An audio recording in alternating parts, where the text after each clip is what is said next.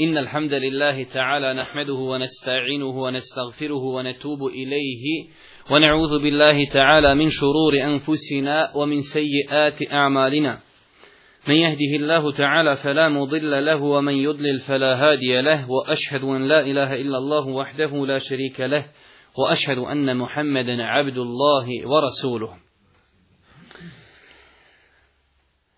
Zaista svaka zahvala pripada uzvišnom Allahu subhanahu wa ta'ala. Donosimo salavat i selam na posljednjeg Allahu poslanika, Allahu miljenika Muhammeda alaihi salatu wa salam.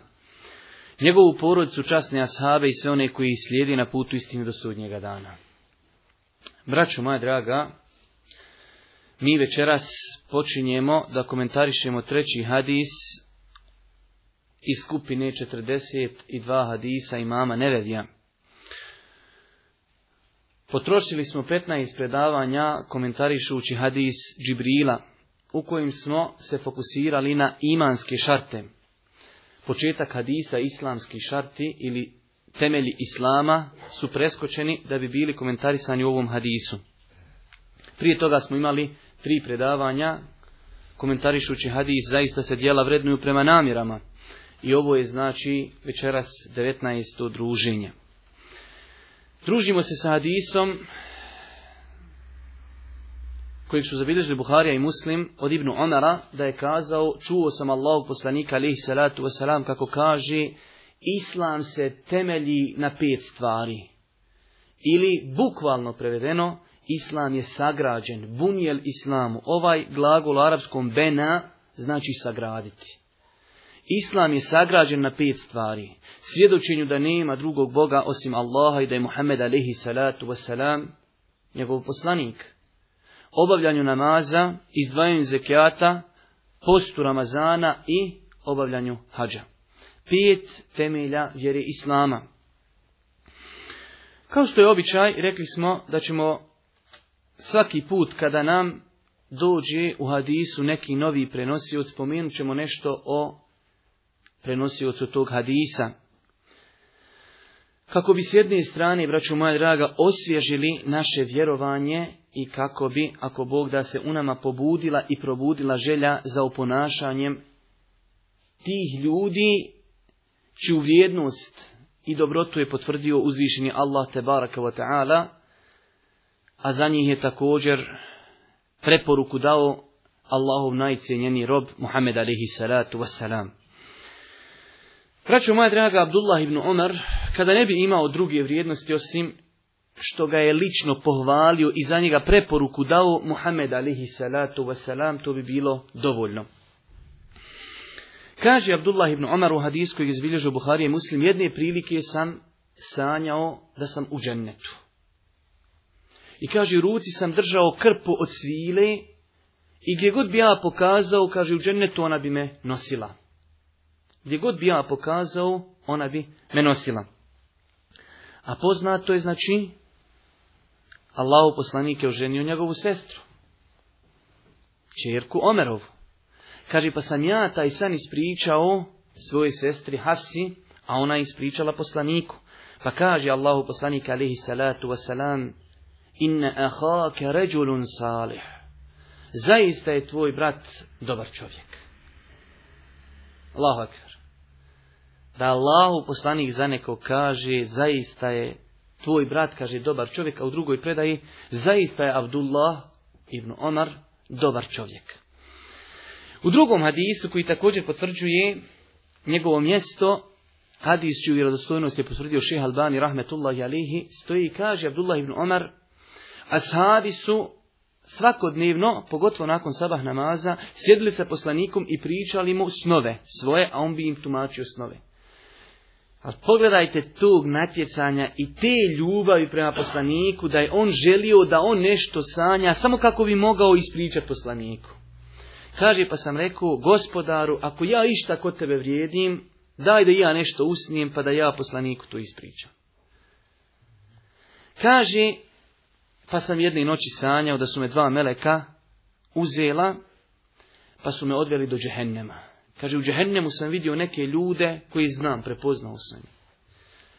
Pa sam se nakon toga probudio, pa sam opet ja ispričao, kaže, svoj san Hafsi.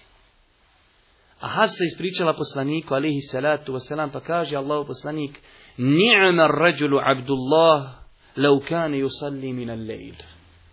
Zaista je dobar čovjek Abdullah, ali samo kaže još kad bi klanio noćni namaz. Ali prvo kaže, zaista je dobar. On je dobar, nije na rađul. Dobar je, kaže, to čovjek. Ali, kaže, još kad bi klanio noćni namaz. I kaže, prenosio svoje predaje, od tada Abdullah ibn Omer, kaže, skoro nije nikako spavu. Uvijek je klanjao noću. Da bi ispunio preporuku Allahu poslanika, alaihi salatu, wassalam.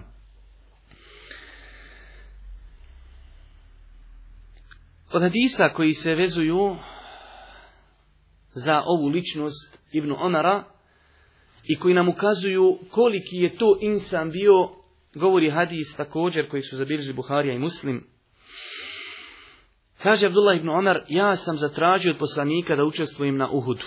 U bitci na Uhudu imao sam 14 godina, pa me je vratio. Nakon godinu dana je bila bitka na Hendeku. Kaže, pa sam opet tražio da idem, pa mi je dozvolio. A imao sam, kaže, tada 15 godina. Kaže, Nafija, njegov znači sluga i rob, veliki učenjak. Kaže, kada je bio Abdu, a, Omer ibn Abdulaziz halifa, došao je u Medinu, pa mu je ibn Omer ispričao ovaj hadis. Da ga je Boži poslanik sa 14 godina vratio, a sa 15 dozvolio da ide u rat. Pa je, kaže, Omer ibn Abdulaziz donio veliko pravilo po kojim je sudila njegova država, a to je da će punoljetstvo se određivati sa 15 godina. Ali šta je ovdje jedna druga pojenta? Pogledajte tog Abdullah ibn Omara. Moli poslanika sa 14 godina da ide u džihad. Allahu akbar. Kad pa gledaj naši ovi kokošara od 14 godina, šta su oni spremni sa 14 godina? Šta su oni spremni sa 14 godina, braću moja draga? Ako su spremni da donesu jedno naručje drva, kad nestane drva, to je koristan posao od njih. Znači, danas momci u tim godinama najviše do čega mogu doći jeste da je spreman da uzme cigaru i prođe kroz grad, da uđe u kakav kafić, da popije, ali što se tiče ti nekih moralnih vrijednosti, a da ne govorimo o hrabrosti, ja sam ubijeđen da oni da nema učni rasvjeti ne bi najveći smilni hodati onaj, to je velika razlika između prvih generacija i današnjeg vremena. Kaži, vjerujte, o Abdullahu ibn Omeru bi se moglo govoriti mnogo toga. O njemu su kazali drugi, kaže jedan čovjek je rekao o njemu, ne znam ashaba da se nakon smrti Allahog nikad nije promijenuo, znači ili se odao u Dunjaluku ili bilo šta, osim Abdullah ibn Omera. On je, kaže, jedini umro na onome na čemu je bio kad je umro Boži poslanik. A Sejid ibn Musejib, Sejid ibn Musejib to je jedan od najcijenjenijih tabiina koji za sebe kaže klanjao sam u džamiji Božijeg poslanika 40 godina u prvom safu. Nikad u životu nisam vidio leđe čovjeka. Nikad nije klanjao u drugom safu. I svaki put, 40 godina sam došao prije Muezina i mama u džamiju. E on kaže, taj Sejid ibn Musejib, Kaže, kad bi ja za nekog svjedočio da je stanovnik dženneta, ja sam posvjedočio za Abdullah ibn Omera. Ja više nikome ne bi svjedočio da je džennetlija osim njemu. Kad bi smio ja garantovat i svjedočit, a ne možemo mi svjedočit osim za one ljude koje je Allah poslanik alaihi salatu veselam spomenuo da su džennetlije. Ali on kaže, kad bi ja ikoga, znači tim svojim svjedočanstvom počastio, to bi bio Abdullah ibn Omar. Jedne prilike on je imao znači slugu, roba, koji se zvao Nafija i koji prenosi od njega lan, ovaj, hadise. I zato kažu učenjaci zlatni lanac prenosilaca, nakon kojeg nema lanca prenosilaca jačeg i boljeg jeste Malik, Nafija i Ibn Omer. Nafija njegov rob prenosi od njega hadise. I taj rob, to je bio učan rob koji je bio vrijedan.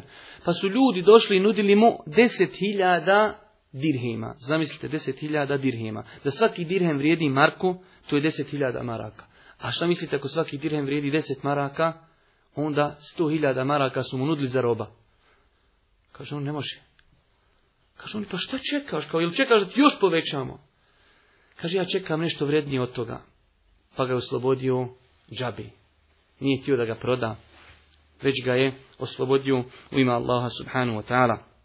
A kaže, Toliko je ibadeti u Allahu subhanahu wa ta'ala da kada bi se desilo da propusti namaz u džematu, ne da pro, ne klanja namaz, oni o tim stvarima nisu nikada razmišljali. Već kada ne klanja u džematu, on bi sebi kao jedan vid kazni, cijelu noć bi ibadeti od jacije do sabaha bi klanjao noćni namaz. I eto, ja sam isto živio sa ljudima, sa jednim šehom, koji isti takav metod imao, onaj kada bi ostavio namaz u džematu, on bi isto provodio cijelu noć u ibadetu. Ali eto, taj čovjek više nije među živima. Braćo moja draga, vidimo ovaj hadis, prvi temelj vjeri jeste svjedočenje da nema drugog Boga osim Allaha i da je Muhammed alaihi salatu wasalam Boži robi, Boži poslanik. Te riječi, te riječi su u našoj vjeri izuzetno, izuzetno velike i teške. Do te mjeri da je to vrhunac imana. Jer kaže Allah poslanik hadisu Buhari i muslima, iman se sastoji od 70 i nekoliko dijelova. Njegov vrh je la ilaha illallah. Njegov vrh je la ilaha illallah. A kaže najniži stepen imana je da skloniš prepreku sa puta. A kaže i stid je dio imana. Kaže Allahu poslanik alaihi salatu kada govori o tim riječima i njihoj važnosti, kada ga je Ebu Hurire upitao ko će biti najzaslužniji i ko će se najviše obradovati tvome šefatu na sudnjem danu, kaže onaj ko kaže la ilaha illallah halisan min kalbihi. Iskreno iz srca koji kaže i povjeruje u njih i radi po njima. Za izgovaranje tih riječi ovom našom vjerom obećaje se velika nagrada. Kaže Allah poslanik alaih salatu wasalam u hadisu Buhari i muslima, ko kaže sto puta, la ilaha illallah, vahdehu la šerike leh, lehul mulku wa lehul hamdu, wa hu ala kulli šein qadir. Ko kaže sto puta, pogledajte koliko nagrada. Kaže, tu je kao da je deset robova oslobodio. Zamislite, jedan rob poštuje. Kao deset robova da je oslobodio upisano će mu biti sto sevapa, izbrisano će mu biti sto grijeha i kaže to će mu biti štito četa cijeli dan. I niko, kaže, neće doći sa boljim dijelom od njega, osim onaj koji rekne više od njega. Znači, to je u toku dana najbolje dijelo koje čovjek može urati, osim osobe koja kaže više od sto puta. Također, te riječi su toliko velike da čovjek sa njima ulazi u vjeru islam i time njegova krv postaje svijeta. Poznate svima vama hadis kojeg zabilježi Buharije i muslim od Usami ibn Zejda. Vi znate koliko je Allah poslanik voli Usama. Jedne prilike ga je poslao jednom plemenu, kaže Usame pa sam gonio jednog čovjeka. I kaže kad sam došao da ga ubijem, kaže rekao je la ilaha ja sam, kaže, musliman. I kaže, ja sam ga ubio. Pa sam došao poslaniku, pa sam mu ispričao, kaže, Allahu je tako, rekao je la ilaha illa, pa sam ga ja ubio. Kaže, jesi li ga ubio nakon što je rekao la ilaha illa, kaže, jesam. Ali kaže, Allah poslaniće, treba da znaš, on je to rekao samo da bi se zaštitio od koplja. Kaže, jesi li to otvorio ti njegovo srce pa da znaš kako je to rekao?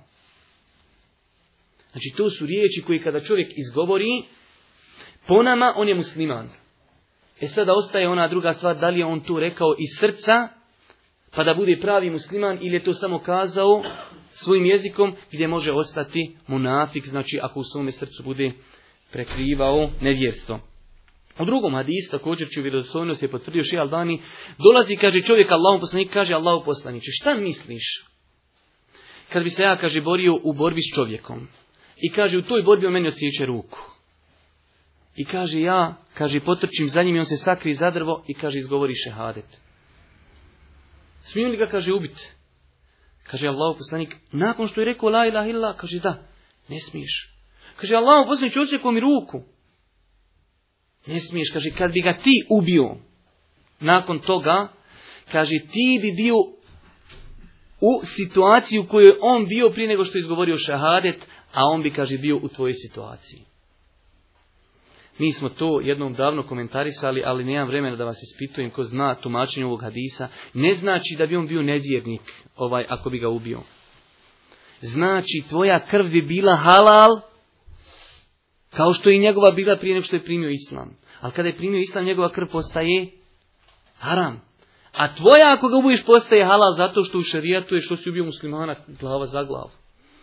I tako je ispravno svatanje hadisa. Mi dosta puta taj hadis pročitamo Rijad Salihinu pa kažemo postao bi nevjernik. Ne, ne bi postao nevjernik, već bi njegova krv postala halal, kao što je i njegova bila halal tog nevjernika prije Islama. Nadam se ako Bog da ste vi to shvatili. Kažemo, svjedočenje da nema drugog Boga osim Allaha nije dovoljno da bude samo na jeziku. Mora da ima potvrdu i da dolazi iz ubjeđenja iz srca. I u tome je razlika između licemjera i muslimana. Obodvojica izgovaraju šehadet, a jedan će u džehennem, jedan će u džennet.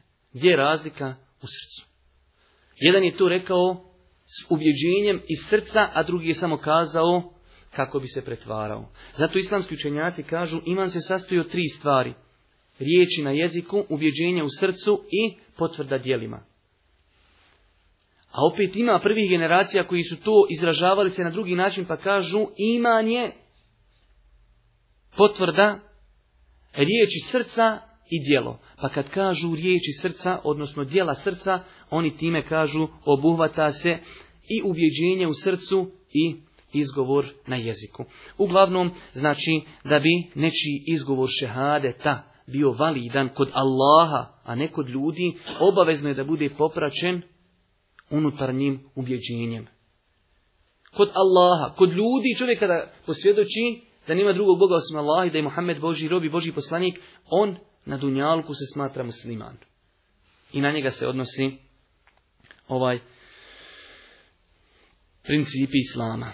Ja ću vam savjetovati, pošto onaj vrijeme odmiče i bojim se, ako bi o ovim stvarima govorili, da bi nam uzeli mnogo vremena. Ovaj, riječi la ilaha illallah imaju svoje uvjete. Ako bi rekli da je la ilaha illallah ključ za džennet, onda moramo kazati da, je da taj ključ ima svoje zubce. Jer svaki ključ ima svoje zubce. Tako i la ilaha illallah ima neke uvjete. I o tome su islamski učenjaci govorili.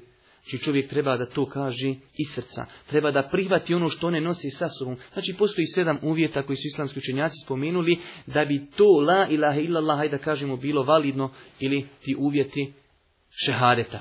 Ja vam savjetujem, ako se sjećate one knjige kada je ovdje prodavana po pet maraka, ona plava knjiga zove se Suština svjedočenja da nema drugog Boga osim Allaha i da je Muhammed a.s.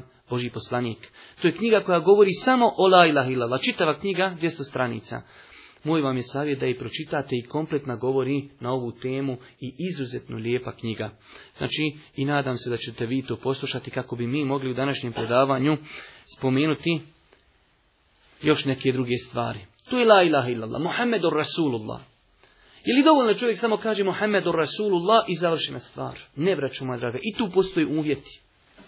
Prvenstveno, da čovjek vjeruje sve što je kazao Muhammed alihi selam da je objava. Ti da kažeš Muhammedur Rasul, Muhammed je poslanik, i sutra ti kaže neko, rekao Boži poslanik, a kaže, obisi ti to mač korijep, moj dedo je rekao ovako. Ne, Ispravno svjedočenje da je Muhammed poslanik znači vjerovanje u ono sve što je kazao da je objava. Da budeš spreman da se pokoriš njegovim naredbama, da budeš spreman da ostaviš ono što je zabranio, da budeš spreman njegovim riječima dati prednost nad riječima bilo koga drugog. Od stvorenja svakako. Da čovjek bude spreman da ostavi ono što nije od znači da se ponaša onako kako je poslanik Ali Salatu Veselam preporučio, odnosno drugim riječima rečeno, da ne uvodi u vjeru ono što nije od nje, odnosno da ne čini novotarije. I jedna veoma bitna stvar, čovjek treba da vjeruje da Muhammed alihi salatu Veselam, iako je toliko bio častan i vrijedan kod Allaha, nije imao božanske osobine.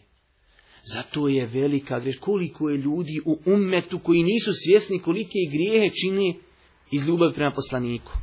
Pa odu ljudi tamo u Medinu, znaju hađije koji su ove godine išli tamo, pa stanu kod kabura i dovu upućuje poslaniku.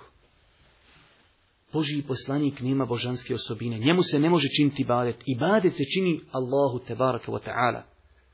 I ne može se od poslanika ni tražiti da se on zauzima kod Allaha za nas. Jer Boži poslanik ali salatu wasalam je umru. Znači, Boži poslanik nema božanskih osobina. To je, braću moja draga, nešto sažito što sam ja želio da vam kažem o prvom temelju vjeri svjedočenju da nema drugog Boga osim Allaha i da je Muhammed alihi salatu wasalam Boži poslanik. Drugi temelj i najbitniji temelj nakon šehadeta jeste šta? Namaz. Namaz, braćo moja draga, je stroga obaveza svakom razumnom i punoljetnom muslimanu. Svakom razumnom i punoljetnom muslimanu. Stroga obaveza. Na mnogo mjesta uzvišenja Allah te barake u Kur'anu spominje obraćajući se mu'mina, mu'minima wa aqimu sala i obavljajte namaz i obavljajte namaz u drugim ajetima opet hvali one koji obavljaju namaz i tako znači da je mnogo argumenata koji ukazuju na obaveznost namaza jedan od tih argumenata jeste svakako i ovaj hadis kojeg mi komentarišemo gdje kaže Boži poslanik islam je sagrađen na pet stvari Znači to su temelji. Kad srušiš taj temelj, srušit će se ono što je izgrađeno na njemu. Kaže uzvišeni Allah subhanahu wa ta'ala, inna salata kanet ala almu'minina kitaban naukuta, namaz je vremenski određena obaveza. Ne da je samo namaz obaveza, već vremenski određena obaveza. Što se tiče hadisa Allahog poslanika koji ukazuju koliko mjesto namaz ima u islamu, njih je mnogo. Ja ću spomenuti oni koji su možda najrigorozniji.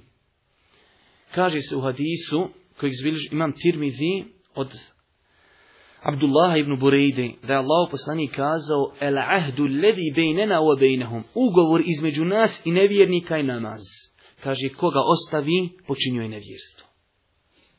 Izuzetno težak namaz. Pogledajte do koje mjere uzdiže namaz, da kaže ugovor između nas i nevjernika i namaz. Koga ostavi, kaže, počinjuje nevjerstvo. U drugom hadisu također vjerodostojno kaže bejnel kufri iman, između kufra i imana, znači to je zastor, kaže između kufra i imana je tarkusala, ostavljanje namaza. To su hadisi koji ukazuju koliko mjesto u islamu zauzima namaz.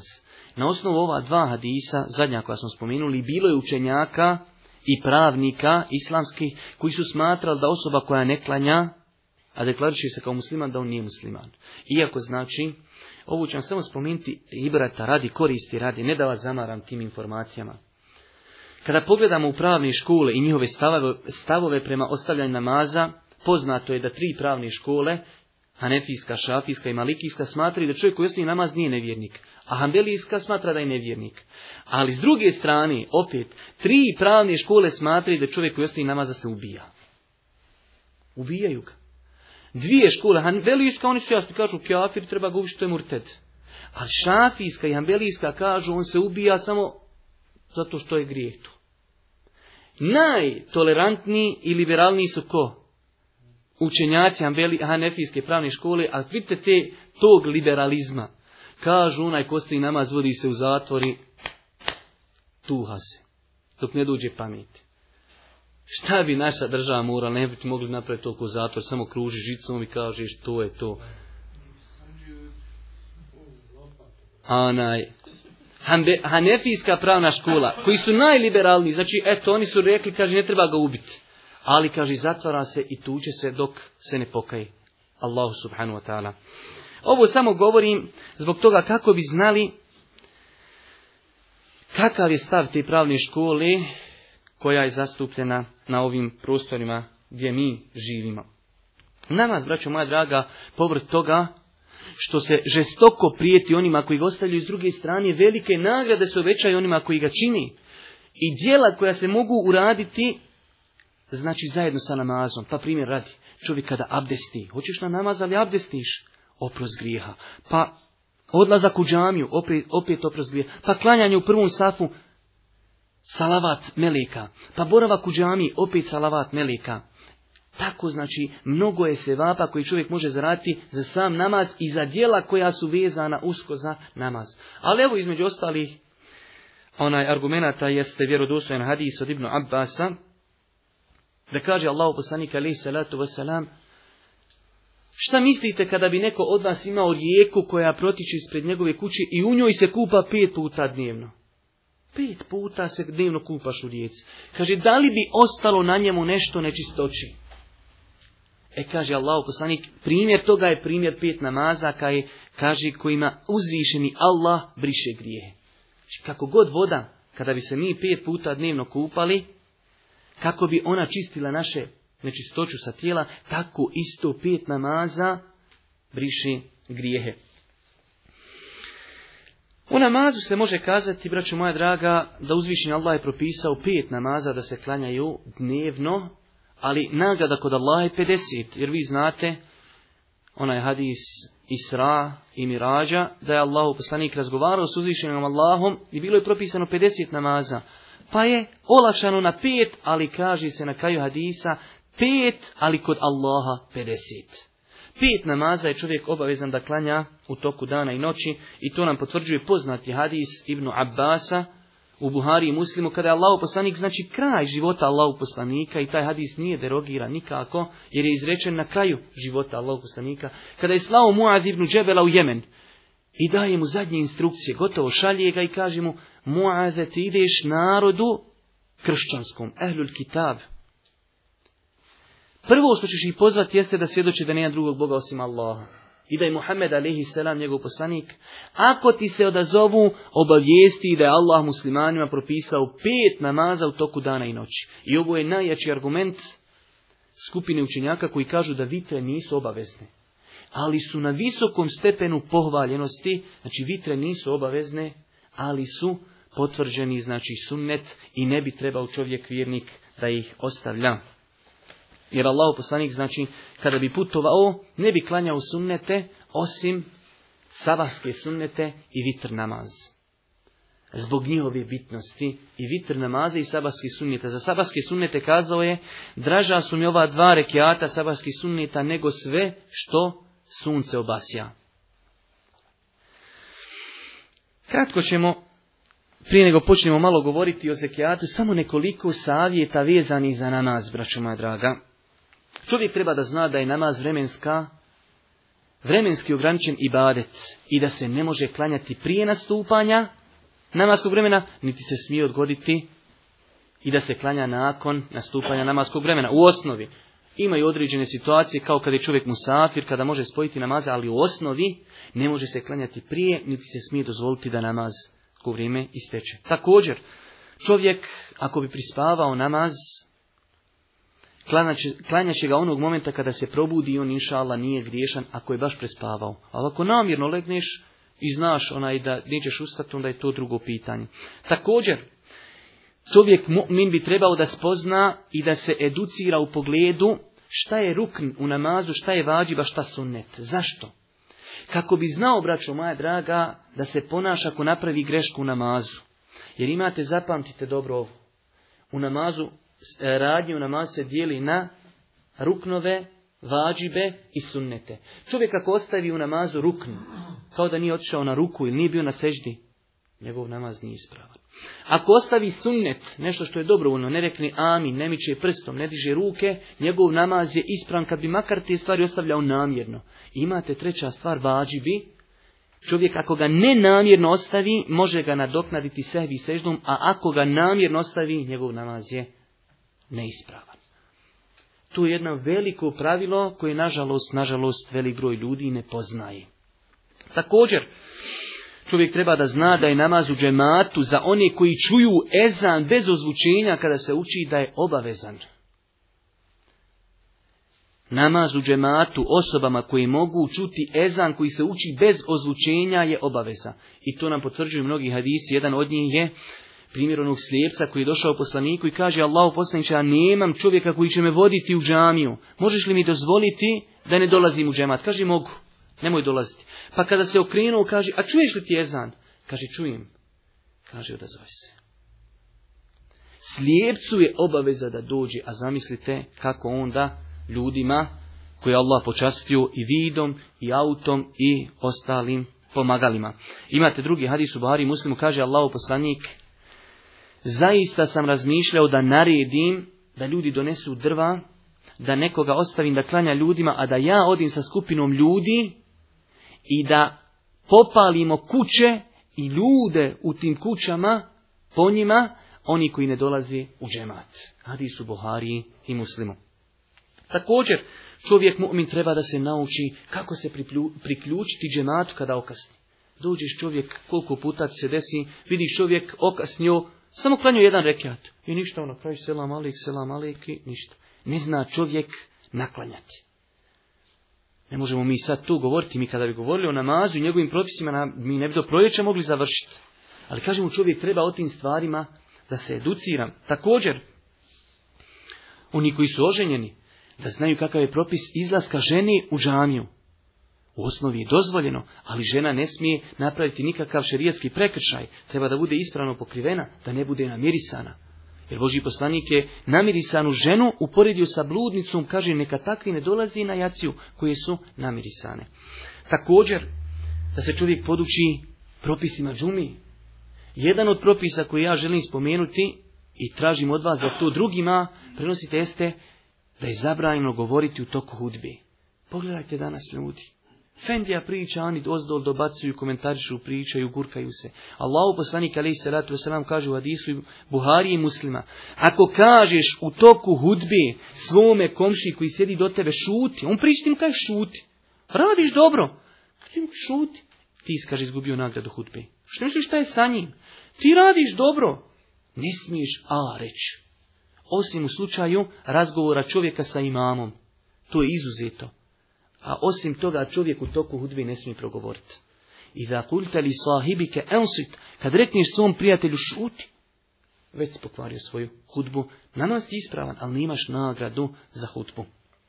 Također, čovjek treba da se poduči propisima skraćivanja i spajanja namazu kada je na putu. I jedna interesantna stvar da se, propisi, da se poduči propisima gimnazije Pa da ne bude od onih koji čitav život na njih se odnosi oni riječi, a ko ne zna nek prouči četiri tekbira i nek svojim riječima zamoli za oprost. Pa nek jednom nauči, bolan jel to sveto slovo da naučiš salavati, naučiš onu jednu kraću dovu i da naučiš. To su normalne stvari. Kratko, lako. Znači čovjek da nauči šta se to uči na dženazi. Jer ima u lemi koja kaže da se na prvom rekiatu uči fatiha i da je to rukn, da se na drugom znači uči salavati, da je to rukn i da je fatiha isto rukn u dženazi. Pa znači treba to uvažavati da ima i druge ulemi. Pa zašto to da se čovjek ne poduči svemu tome? Treći temelj, braćo moja draga, ovi naši savršene vjere, bez kojeg će se naša vjera srušiti, jeste izdvajanje zekijata.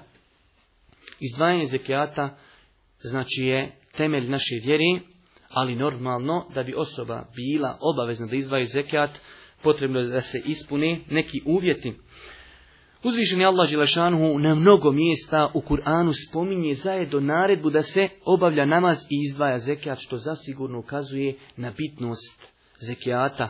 Jer znači, takav je arapski jezik da dvije stvari, ako se spominju zajedno, a jedna od njih je bitna, onda ta druga zasigurno ima svoju veliku težinu.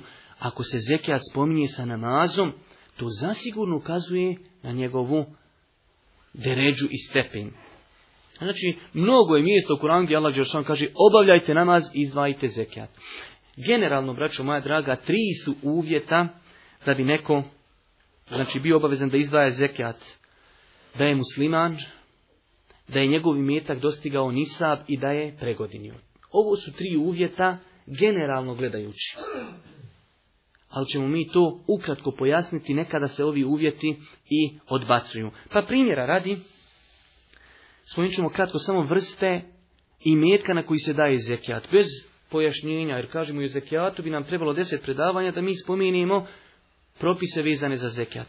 Jedan od vrsta, jedna od vrsta i metka na koji se daje zekijat jeste stoka. Što obuhvata deve, krave, koze i ovce. Čovjek ako posjeduje nešto od ovoga i dosegni njegova stoka nisab i pregodini znači onaj obavezan je da izdvoji zekijat. Pošto se te informacije rijetko spominju, znači samo ću vam spomenuti te početne nisabe. Deve, pet deva, krave, 30 krava i ovce 40. Čovjek kad bi imao 39 ovaca, nije obavezan dati zekijat. Kada bi imao 29 krava, nisi obavezan dati zekijat. Kada bi imao 4 deve, nisi obavezan dati zekijat. Ali ako već imaš 5 deva, obaveza. Ako imaš 30 krava obaveza, ako ima 40 ovaca obaveza. I onda, kako se broj povećaje, znači, to je pojašnjeno u knjigama fikha. E ovdje želim da vam ukažem na jedno veliko pravilo i ako Bog da, mislim da ćete se okoristiti. Ja znam da ovo što govorimo velikom broju vas je poznato, ali sam ubijeđen da će svako od vas izići ovdje sa nekom koristi. Da bi kazali da je čovjeku obaveza da da zekjat na stoku, Rekli smo treba da ima nisab i jedan drugi veoma bitan uvjet, a to je da je njegova stoka više od pola godine pasla na pašnjacima koji nisu njegovo vlasništvo. Znači, ono što bi naš narod rekao, državna zemlja, znači slobodna paša. To je uvjet. Ako bi čovjek hranio, ima 30 krava i cijelu godinu one na jaslama, taj čovjek ne treba davati zekijat. To je velika korist koju velik broj ljudi ne zna. Da bi čovjek trebao davati zekijat na stoku, stoka mora više od šest mjeseci da pase, da pase, ne na njegovoj. Čovjek može imati sto duloma zemlje i ogradi i pusti pase. Ne treba davati zekijat. Samo ako stoka pase na zemlji i travi koja je sama od sebe iznikla, znači nije privatno vlasništvo. Njegovo, znači vlasnikovo vlasništvo. Također, od vrste imetka na koji se izdvaja zekijat jesu poljoprivredni proizvodi. Ovo opet spominjemo zbog bitnosti svega toga što ima tu i neki momenata koji velik broj ljudi ne zna. Mi nećemo govoriti o vrstama, na što se daje, koliko se daje, ali ćemo spomenuti samo nekoliko stvari. Prva stvar, vidjeli smo na početku, kažemo treba da pregodini. E ovdje taj uvjet ne potpada. Poljoprivredni proizvodi se, iz njih se zekija daje momenta kada berba bude. Kaže uzvišeni Allah, atu haqahu jevme hasadi. Dajte zekijat dok požetite. Odmah dok berba bude, daje se zekija. Znači, što ti krompire, ako se daje na krompire ili pšenica, kažeš nakon godinu dana, do godinu da možda struhne i pojedi se tamo vamo. Ne, dok se podigne onaj to na što se daje poljoprivred, od poljoprivrednih proizvoda, Zekjat odma se daje. Koliko se daje? Ovdje želim isto napomenuti jednu stvar, a to je veoma bitna stvar. Koliko se na poljoprivredne proizvode daje zekijata? Na osnovu hadisa Allahog poslanika koji je zabilježio Buharija i Muslim, poljoprivredni proizvodi se dijele u dvije skupine. Poljoprivredni proizvodi koji su navodnjavani, znači od strane Allah Đelešanu, znači na onaj kišom. Nisu vještačkim putem navodnjavani, iz toga se izdvaja desetina. Desetina, zapamtite dobro. Čovjek ako ima u tonu pšenice, daće koliko? 100 kila. Ako je on mehanički nas, ovaj, zaljevao te svoje usjeve, šta će dati? Greška. Pola desetini to je greška i sad imate knjige napisane od velikih učenjaka današnjice u Bosni, gdje su pogriješili i mjesto da se izrazi kako se izrazio Boži poslanik. Boži poslanik kaže daje se pola desetini. Pola desetine ljudi nije petina, već dva desetina. Petina ti ode još povećaješ, treba smanjiti, jer čovjek koji je ulagao tru, treba mu malo umanjiti. Pa mu kažeš, e ti ćeš dati dvadesetinu. A ako mu kažeš da ćeš petinu, hode mu ti još bolan, na, na će onda dvijesto kila. I to imate greške u velikim knjigama koji govori o zekijatu, koji su pisane na bosanskom jeziku. Ja još na arapskom nisam našao takve greške. Znači oni se tako izražavaju. Desetina i pola desetini. A kod nas ljudi kažu desetina, pa skonta on sam sebi da je desetina, pola desetine i petina i napiše petina. A nije, pola desetine je dva desetina, braćo moja draga. Zato ovo akcentiram da sutra kada nađete kakvu knjigu da vas to ne bi onaj prevarlo Jer Allah poslani kaže od Adisu Buhari i muslima, usjevi koji su navodnjavani iz neba, kaže daje se desetina, a oni, kaže, koji su navodnjavani na vještački, znači način da čovjek ima mašine, da čovjek nosi rukama, tada, kaže se, daj pola desetini. Ima znači velik broj učenjaka koji postavio nisab, ima određen broj učenjaka od koji su hanefijski učenjaci, oni kažu koliko god da digneš plodova deset kila moraš dati zekijat a velik broj učenjaka je rekao ipak i tu ima nisab i oni su otprilike stavili nisab, znači 600 612 kila otprilike. Znači ako imaš manje ne trebaš, ako imaš više trebaš po procentu. A bilo je učenjaka od kojih Hanefijska pravna škola, oni kažu koliko god da nađeš. Nađeš 10 kila, dadni zekijat. Što se tiče novca, braćo moja draga, to je svima vama poznato, znači novac treba da bude preko nisaba, treba da pregodini, i daje se na sve to 2%. Što se tiče zlata, ko ima zlato koje pregodini 85 grama zlata da je pregodinilo, daje se na to onaj zekjat, ako je srebro u pitanju 595 grama, ako čovjek ima srebra koje je pregodinilo, daje se na njega onaj 2,5%. I zadnja stvar, trgovačka roba, znači trgovačka roba se normalno obračuna se i po danu, znači po vrijednosti robi u danu kada obračunaješ. Nekada si je kupovao, obračunaš robu u danu kada je prodaješ, nakon godinu dana onaj i izvaja se iz toga zekijat. Tu je, braću moja draga, sažito nešto o zekijatu. Samo jedna mala opaska kada govorimo o parama primjera radi ili trgovini, iako u pitanju trgovine ima razilaženje, moraju pare na koje se daje zekijat pregodiniti i da nikada u toku godine ne padnu ispod nisaba. Primjera radi, ako mi rekli da je nisab 3000 maraka i ti prvog, prvog ugodne dobiješ 3000 maraka, do sljedeće godine prvog prvog ako bude konstantno kod tebe 3000 i više ti si obavezan dati zekijat. Ako bi se desilo u pola godine prvog šestog ti potrošiš sa ti kamari, hiljadu maraka padni na dvije. Automatski se prekida ta godina. Prvi put kada ti namiriš ponovo na tri hiljade, nemojte misliti da ja govorim da je nisab tri hiljade, ja govorim samo kao primjer. Prvi put kada napuniš na tri hiljade, tada ponovo počinješ brojat, nisab, počinješ brojat taj haul pregodinjavanje. Primjer radi, evo rekli smo da se prekinuo prvog šestog. Opet prvog plata dođe i opet na tri hiljade zabilježiš prvog sedmog, znači do prvog sedmog sljedeće godine, ako budeš imao konstantno povišni slaba, trebaš dati zekljat. Nadam se da sam bio jasan, ako nisam, pojasnit ćemo to poslije, ako Bog da. Četvrti temelj, četvrti temelj naše vjere jeste, braćo moja draga, post mjeseca Ramazana. Post mjeseca Ramazana je ibadet i obaveza, stroga obaveza Komi je obaveza, braćo moja draga, Ramazan, post Ramazana, punoljetnom muslimanu koji je zdrav, nije putnik i nema ništa što sprečava ispravnost njegovog posta. Pet uvjeta čovjek i mora zapamtiti. Punoljetnom muslimanu koji je normalno razuman, koji je zdrav, nije bolestan, koji nije na putu, koji živi znači kod kuće i šta smo rekli zadnju stvar, da Allah sačuva čovjek uvijek nešto zaboravi, da nema smetnje da njegov post bude ispravan. Šta ovo zadnje znači? To se odnosi na žene. Žena kada je u hajzu i nifasu, ona kad bi postila, njim post je neispravan i počinila je haram. Žena u hajzu i nifasu ne smije postiti. Ona će napostiti svoje dane i kad bi postila prvo, ogriješila je se, a drugo neispravan je post. Zato kažemo, čovjek mora da bude punoljetan, što znači djeca koja nisu punoljetna nisu obavezna. Ako bi postila nju, post, inšala validan, ali nisu obavezni. Čovjek da je zdrav, što znači ako je čovjek bolestan, da mu smeta post, neće postiti.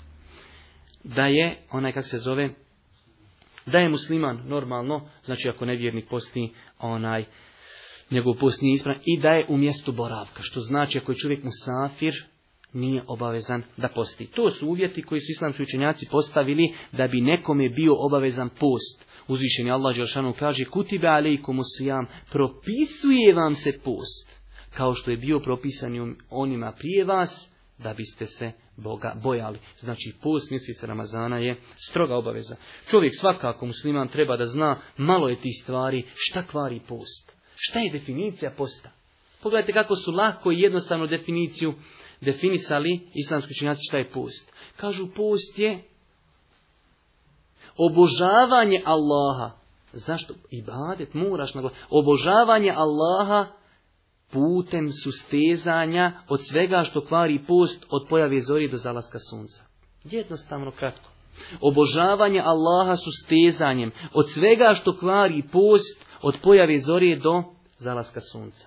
Čovjek treba da se educira, da zna šta kvari post. Namjerno jelo i piće, spolni odnos, masturbacija, namjerno povraćanje i dobijanje hajza i nifasa koje je u pitanju žena.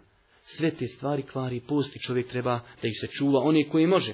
Žena se ne može čuvati hajza i znači kada dođe onaj ostali dane će napostiti kao i taj dan u kojem je to dobila. Također interesantno i treba da zna čovjek šta smije čovjek da radi i što neće pokvati njegov post. Pa primjera radi, čovjek ako bi se desilo da zaspi u toku posta, pa usnu ima ejakulaciju, njegov post je po konsenzusu u Leme validan, ustane, okupa se, ilhamdul. Ako bi čovjek nenamjerno jeo, pojede dulum, piti, poslije kažu pa tramazan bolan, njegov post validan. Ali da uzmi zalogaj u ustima i kažu mu Ramazan bolan postiš i on kad, pa kad sam već dulum nek ide i zalogaj pokvaren post. Kad mu kažu Ramazan, odmah izvadi iz usta i baci. Da mrvu tada samo uzmeš i kažeš, ba gotovo, a onaj mrva pokvarće post. Također od stvari jeste da je dozvoljeno čovjek u toku posta, ako se ne boji ejakulacije, dozvoljeno mu je znači da poljubi suprugu, da se sa njom naslađuje i tako. Ali ako se Boga mi boji, onda nek se pazi jer ako onaj doživi ejakulaciju njegovu postoje pokvare. I imamo zadnju stvar, hadž. O njemu ćemo ako Bog da kratko i time ćemo ako Bog da i završiti naše druženje. Pijeti islamski temelj hađ.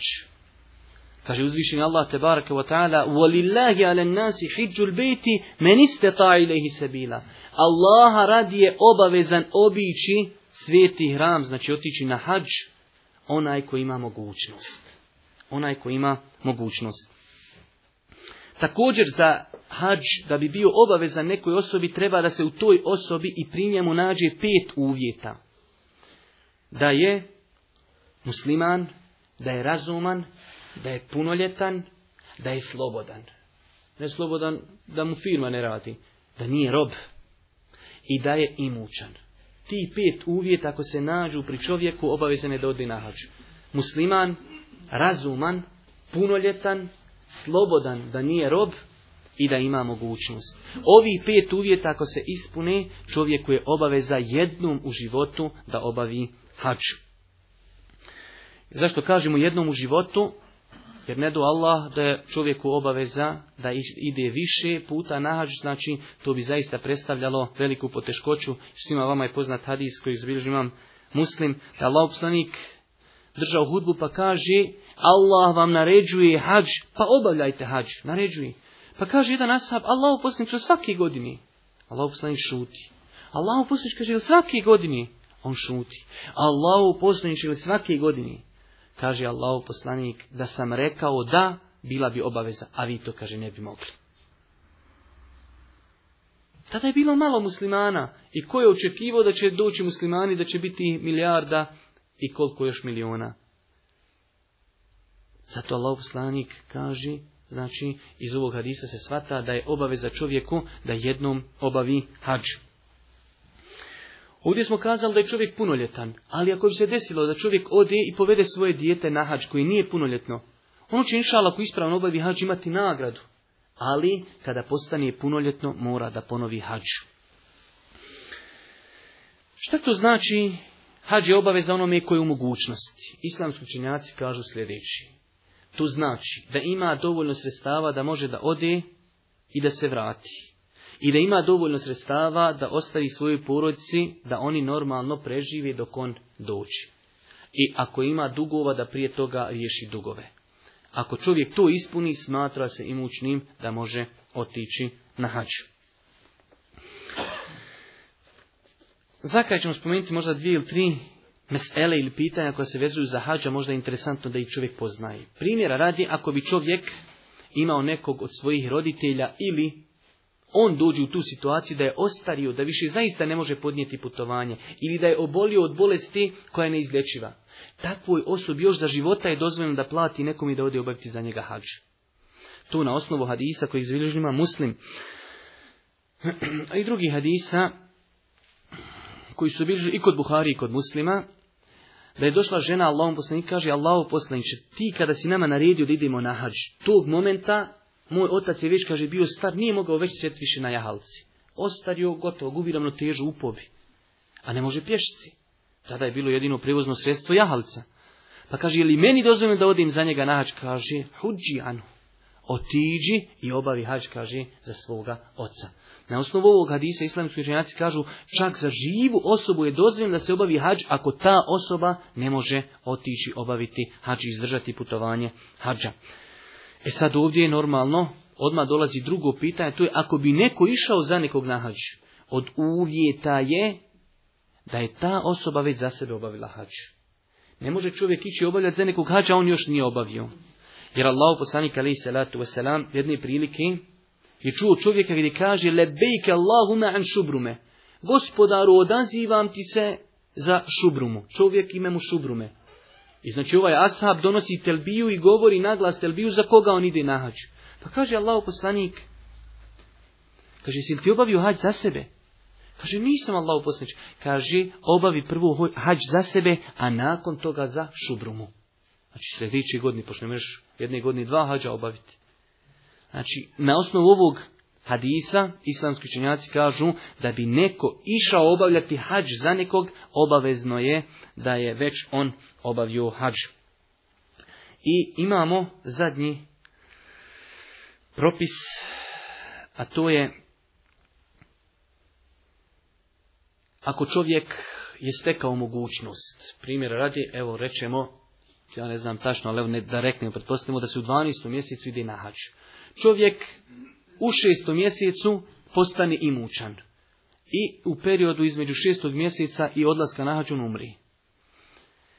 Iz ima, imetka takvog čovjeka prva stvar prije nego se počne dijeliti njegov imetak, učenjaci kažu izdvaja se novac kojim će se platiti da neko obavi za njega hađ. Znači osoba koja je bila imućna i nije obavila hađ, ako umri, iz njegovog imetka, po mišljenju određenog broja učenjaka, što je zasigurno jako i potrebno mišljenje da se po njemu postupa, iz njegovog imetka prvo će se izdvojiti novac da se obavi hađ na njegovo ime, a nakon toga će se njegovim onaj nasljednicima podijeliti imovina. Interesantno je spomenuti kao informacija da je velik gru islamskih učenjaka smatrao da žena ako će ići na hađ obavezno je, znači ako je toliko daleko od Meki, da se ona smatra musafirom, znači ako je daleko od Mekije 80 km ili 100, a mi već potpadamo pod to, onda je obavezno da putuje sa mahremom. I bio je velik broj učenjaka koji kažu ako žena ako žena ne može naći mahrema, neće ići na hač. I Allah Đeršanu je ne duži da ide na hač. Jer poznati događaj za vrijeme Božih poslanika, ali i salatu jedan asab se prijavio u džihad. I kaže Allah poslanika, Allah poslaniće, ja sam se upisao da idem u džihad, u borbu tu i tu, ali kaže, moja žena je ošla na hađ. Kaže Allah poslanik, vrati se, idi sa svojom ženom na hađ. A imate druge mnoge hadise u Buhari i Muslimu gdje kaže Allah poslanik, neka žena ne putuje sama koliko traje znači putovanje dan i noć osim u prisustvu svoga mahrema. Koje je mahrem u šerijatu? Svaka osoba muška s kojom ona vječno ne može stupiti u brak. Znači, može da ide zep sa svojom punicom, može da ide otac sa svojom čerkom i tako. Znači, zna se ko je, kom je mahrem u šerijatu, znači tako ona je interesantno je spomenuti da je tu stav Hanefijske pravne škole da žena ne može ići na hađ bez mahrema. Da ako želi da ide na hađ, a od neke je daleko toliko, znači da je to put 100 km, onda je obavezno da sa njom ide mahrem. Normalno treba ovdje spomenuti, čisto da čovjek zna, žena ako bi u toj situaciji otišla na hađin, hađi ispravan, ali je griješna što je otišla bez mahrema. Griješna je što je otišla bez mahrema, njen hađ je validan i ispravan. Znači ovo mišljenje također prioritetnije, ona je učenjaka koji su smatrali da žena ako putuje u nekoj skupini, znači žena i ljudi da nije potrebno da svaka žena ima mahrema, ali znači hadis Allahog poslanika je onaj jasan da svaka žena koja putuje na hađ treba da ima mahrema. Znači čovjek može da bude mahrem za više žena također. To je, braću moja draga, nešto što sam ja rezimirano htio da vam spominem večeras, što se vezuje za ovu tematiku islamski šarta. Znači da smo mi htjeli da govorimo opšim novim stvarima, zasigurno bi nam trebalo više od godine dana da govorimo o detaljnu namazu, o postu, zekijatu, ali ovo je nešto znači što bi trebao, hajde da kažemo, da poznaje svako, a vezuje se za ovu tematiku. Ako Bog da, od četvrtka i sljedećeg petka mi idemo i komentarišemo znači sljedeće hadise. Molimo Allah Đelešanuhu da ono što smo čuli bude dokazom za nas, a ne protiv nas. Molimo ga Subhanu wa ta'ala da nas poduči korisnom znanju i da nas okoristi tim znanjem. Molimo ga Subhanu wa ta'ala da nas učvrsti u ovim teškim vremenima, da nam bude milostiv na sudnjem danu i na kraju. Subhaneke Allahumma da bihamdike šadu in la ilaha illa in wa etubu ilaik.